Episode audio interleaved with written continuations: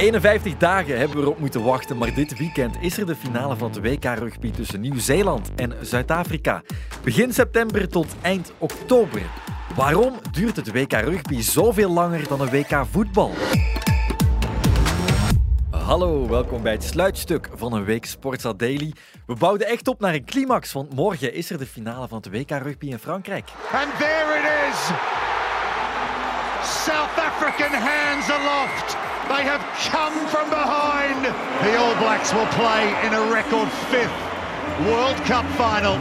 Utterly dominant over Argentina. Nieuw-Zeeland en Zuid-Afrika vechten het uit. En wie ook wint, haalt een historische vierde wereldtitel binnen. Maar dat is niet waarover we het hebben vandaag. Wel over waarom dat de finale zo ver na de openingsmatch gepland wordt.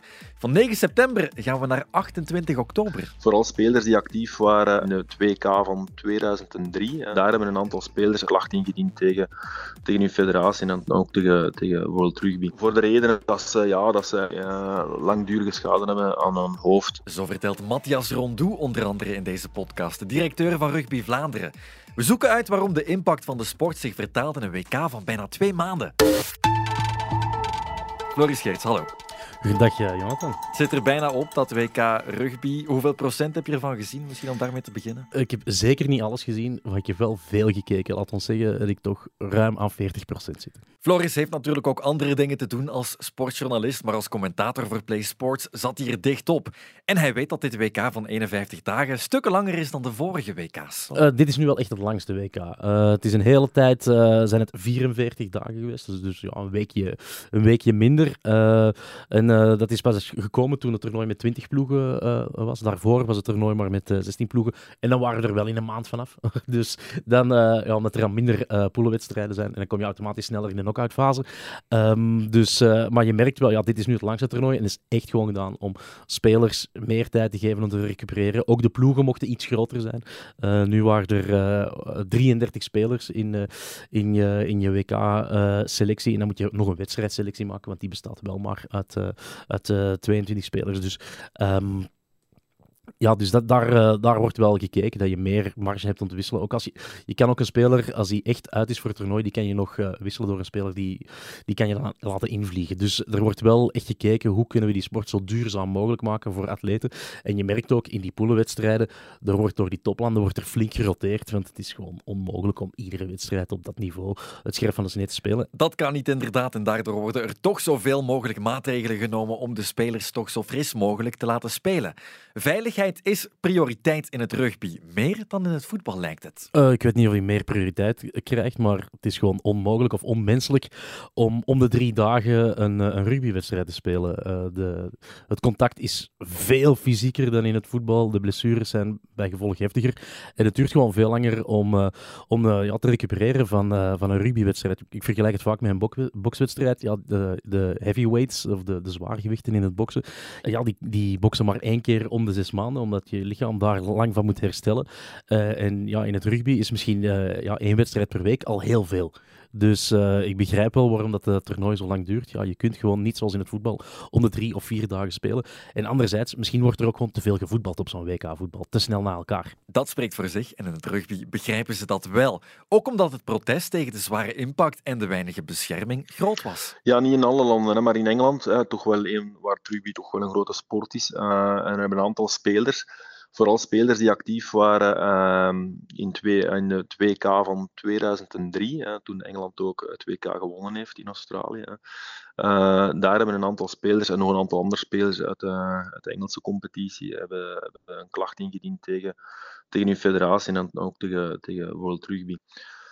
Um, voor de reden dat ze, ja, dat ze uh, langdurige schade hebben aan hun hoofd, omwille van de ja, veelvoudige impact uh, op hun hoofd ook. En de klachten waren niet min. Wat je nu hoort is een greep uit de gevolgen.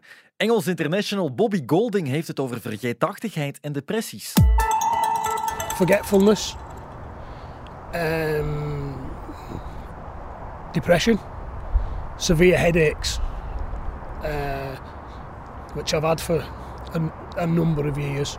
Um, and then when when all these three three things just keep occurring all the time, mate, it's it's not good. And then I had a solicitor contact me, um, and they wanted to do something about it after uh, asking me what my symptoms were, and uh, I said yes, and I'll help in in any way to to make the to uh, make the cure better for players in the future. Maar ik denk dat je ook maar moet kaderen in de tijdsgeest. Toen rugby is eigenlijk vrij laat uh, geprofessionaliseerd. En na, na 95 is eigenlijk het rugby geprofessionaliseerd. Uh, geprofessionaliseerd. Daarvoor was het nog vrij was het nog amateur, op amateurniveau. Uh, en dus in die jaren nadien is het rugby, nou, die spelers natuurlijk sowieso krachtiger geworden, fysieker geworden, sneller geworden. En in die tijdsgeest, in de jaren 2000 en iets daarna, hadden ze zeker nog niet, waren ze zeker nog niet voldoende bezig met, met hoofdimpact, het welzijn van de speler. Dat is eigenlijk vooral nadien pas gekomen en uh, vooral uh, versneld de laatste jaren eigenlijk. En dat hoorde je van Matthias Rondou? Ja, ik ben Matthias Rondou van Rugby Vlaanderen, hè, verantwoordelijke daar. En ook uh, co-CEO van Belgium Rugby. Rondou was onlangs aanwezig op een congres in Bordeaux waar veiligheid een van de thema's was. En ook daar ging het opnieuw over maatregelen om de impact op het hoofd te verkleinen. Ja, waar zij ook mee bezig zijn de laatste jaren is natuurlijk alles uh, om, om uh, contact op het hoofd te vermijden. Hè. Zo zijn de regels ook al ehm, sinds, ik denk dat het ondertussen al vier jaar is dat ze bezig zijn met de regels te veranderen. Zowel de, vooral de regels in de tackle, hè, toch wel een, vaak voorkomende element in rugby, is het belangrijk dat de spelers laag genoeg tackelen. Dat wil zeggen, uh, sowieso onder het sternum, uh, maar niet, niet op het hoofd. Uh, contact met het hoofd is, is, de, ja, is ten strengste te vermijden. Anders, ja, anders krijgen spelers een gele of een rode kaart. Meteen een gele of een rode kaart. En bij zo'n rode kaart speel je dus ook in het rugby de rest van de wedstrijd met een man minder. Dat dat nu gedaan wordt, is vooral om een statement te brengen. Dat die tackles van vroeger echt niet meer kunnen. Uh, ja, vroeger mocht je echt uh, als, een, als een wildeman gaan tackelen. Maakte niet uit hoe hoog die tackle is. Nu zijn ze daar heel streng in. Je, mag, uh, ja, je, mag, ja, je moet eigenlijk onder de schouders tackelen. Dat wil zeggen dat, dat je hoofd, als je met je hoofd naar voren gaat, want als je ja, iemand wil tackelen, dan gaat je hoofd automatisch naar beneden. Ja, dan moet je hoofd ook onder die schouder zitten en die armen ook. Dus vanaf dat je iemand ho hoger dan de schouders tackelt, ja, is in principe meteen een rode kaart. Er zijn soms verzachtende omstandigheden kan zijn dat jij een duw hebt gekregen of je tegenstander een duw heeft gekregen, waardoor ja, je per ongeluk eigenlijk te hoog tackelt. Maar vanaf dat, dat niet het geval is, is het gewoon meteen een rode kaart. En ja, dat weegt in het rugby misschien nog wel zwaarder door dan in het voetbal.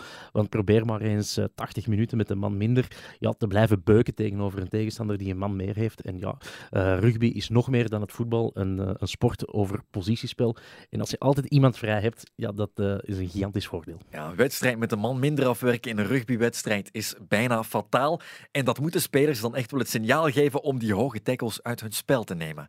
Maar de sport zet niet alleen op die manier in op betere sensibilisering en nazorg. Zegt Rondoe. Ja, ik wil er nog gewoon aan toevoegen. Dat is ook de laatste. Nu zijn ze ook bezig met. Uh, dus elke rugbyspeler heeft ook een mondstuk in zijn mond. Hè, om, uh, om de tanden ook te beschermen. Maar nu hebben ze ook uh, getest met sensoren in het mondstuk zelf te plaatsen. En uh, wat ze nu gaan doen ook, is uh, vanaf uh, 2024, als ik me niet vergis, in bepaalde competities, zo'n mondstuk verplichten.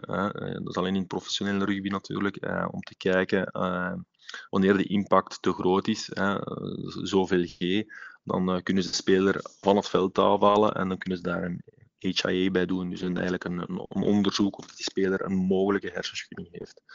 Dus dat zijn allemaal manieren om, om, uh, om de sport uh, nog veiliger te maken. En buiten de regels dan zijn ze nu ook uh, bij technologie bezig om, om die sport toch op een veilige manier te beoefenen op professioneel niveau. En we spreken wel van professioneel niveau en niet van amateurniveau, want dat is nog een ander, een ander geval natuurlijk. Bij de vrouwen is daar nog geen sprake van? Dat weet ik nog niet. Het is het eerste WK dat ze dat echt gaan implementeren, zo'n beetje. Ik denk dat dat wel iets goed is, dat je echt de G-krachten kan gaan bekijken voor te zien hoe zwaar is die impact geweest. Dus waarschijnlijk bij een, ja, een aantal G-krachten heb je heel grote kans op een hersenschudding. Um, maar ik denk dat er ook een financieel kaartje aan vasthangt. Um, dus komt het erdoor bij de vrouwen en bij iedereen? Dat weet ik nog niet. Dat, dat, is nog afwachten. Afwachten, dat is op dit moment inderdaad wat Loes Hubrecht moet doen. Ik ben Loes Hubrecht. Um, ik ben speelster bij Dendermonde Rugbyclub, maar ook bij de Nationale Sevens. Dus dat is de nationale ploeg waar dat we 7 tegen, 7 tegen 7 spelen. En in de club is dat 15. Dus 15 tegen 15. En ook in het vrouwenrugby is de impact uiteraard even groot. Hubrecht herstelt op dit moment ook na een tackle. Uh, ja, eigenlijk ben ik nu uh, aan het revalideren van een redelijk ja, zware blessure. Dus ik heb mijn kruisbanden uh, gescheurd. En dat was het laatste toernooi met de nationale dat ik vorig jaar heb gespeeld. Ehm, dus ik besef zelf wel, of allee, ik ervaar zelf hoe, hoe zwaar dat het kan zijn eigenlijk, zo'n contact. Um, bij mij was het bij een tackle, dus ik voelde ook... Um, dus ik had die persoon, ik wou haar tackelen. En ik, ja, ik voelde dat mijn knie het begaf uh, en dat ik niet meer verder kon. Zo snel gebeurt het. En dus is het geen wonder dat het WK bij de mannen nu maatregelen neemt om de spelers tussen de botsingen door zoveel mogelijk te laten recupereren. Maar dat zorgt wel voor een gesplitste kijkervaring. Uh, ja, je moet een week wachten voor er nieuwe wedstrijden zijn. Uh, ja, je hebt niet zoals in, uh, in het, bij, bij, het WK voetbal, waarin je elke dag drie nieuwe wedstrijden hebt. dat is soms wel een beetje jammer. Um, dus ja, er, de, het zou wel beter zijn mocht, mocht het toernooi op een, een of andere manier worden, ja, anders in elkaar worden gestoken, dat je meer wedstrijden kunt kijken. Want nu zijn er in het weekend heel veel wedstrijden. Die zijn niet allemaal op televisie live te volgen. Uh, hier in België. Dus um, gelukkig ja, worden de beste wedstrijden wel uitgezonden door, uh, door de betaaltelevisie en de Franse televisie. Dus je, je komt wel aan je trekken, maar ja, je hebt wel het gevoel dat je er een hele week wordt uitgetrokken. En ja, ik probeer het dan op te lossen door een hele week lang uh, alle podcasts te luisteren over het WK rugby en de kranten en zo te lezen. Dan blijf je er automatisch in. En dat is natuurlijk, om, ja, ik heb wedstrijden becommentarieerd, dus dat ben je ook wel verplicht voor, uh, voor je werk. Maar als liefhebber, ja, je wordt er een, beetje een week, uh, een week uitgezogen. Zeker hier in België. Um, ik vermoed dat dat in, in Nieuw-Zeeland en Zuid-Afrika en in Frankrijk wel anders zal geweest zijn. Maar ja, hier, de, ja, de rugby-liefhebber, die wordt weer een week op pauze gezet. En dan is in het, in het weekend weer eh, ja, de beste wedstrijden van de wereld. Maar Rondoux merkte de Franse stadions alvast geen mindere sfeer. Mm, nee, dat zou ik zo niet zeggen. Ik ben zelf ook eh, een paar keer gaan zien aan het WK Rugby. Eh, een paar matchen van de poules en dan ook de kwartfinale. En ja, alle uh, stadia dat toch zo goed als vol. Het is ook niet meer zo simpel om tickets te krijgen op, uh, voor het WK. Dus uh, ik heb niet het gevoel dat dat impact heeft op, ehm, op uh, ja, de toestroom van een aantal mensen naar het stadion zeker niet. Uh, qua kijkcijfers kan ik daar minder over oordelen. Ja. Uh, maar ik heb zeker dat gevoel niet. Ik denk dat World Rugby ook al aangekondigd heeft dat, dat dit in Frankrijk het best bekeken WK is tot nu toe. Nog meer dan het vorige WK dat in Japan is doorgegaan in 2019. Dus ik denk niet dat dat daar een grote impact op heeft. Voilà, de sfeer van een WK-voetbal met elke dag bijna een wedstrijd, die kan je niet bereiken op dit moment. Maar het concept wordt naar het volgende WK wel alweer aangepast.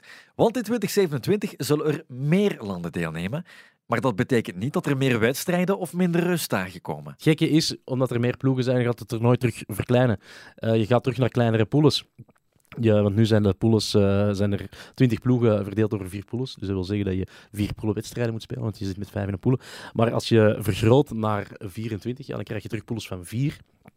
En dus heb je uh, maar drie poolwedstrijden, waardoor er toch weer al twee weken worden afgepitst in die poolfase. Omdat je, ja, je hebt één, er is altijd één week waarin je niet hoeft te spelen in die poolfase. Dus dan worden er twee weken afgepitst en dan komen we weer naar een iets compacter toernooi, wat dan weer voor de ervaring, uh, vooral voor de fans en ook voor de, voor de atleten gewoon uh, veel beter is. Want niet vergeten, de profcompetities in, uh, in Europa die zijn alweer begonnen zonder de internationals. Dus er wordt wel ja, uh, dat, ook voor hen is dat natuurlijk belangrijk om zo snel mogelijk weer aansluiting te vinden met, uh, met de clubs. Voilà, dus ook het volgende WK-concept in het rugby moet de veiligheid en de gezondheid van de spelers opnieuw voorop zetten. Ik denk dat iedereen die al ooit een keer rugby heeft gezien, dat hij wel beseft uh, dat er heel veel impact gepaard gaat bij dit spelletje en dat de rustdag wel aangenaam is voor een speler. dus ik vind het een hele goede keuze dat er zoveel rustdagen zijn. Het is een langer WK daardoor. Uh, maar ik denk dat het echt te goede is van alle spelers. Um, dat het zo lang duurt. En zo gaat de samenvatting. Wie het WK Rugby ook wint, ze zullen uitgeruster en vitaler aan de finale beginnen. En dat door de extra recuperatietijd tussen de wedstrijden in. Tot volgende week voor een nieuwe reeks Sportsa Dailies in de herfstvakantie.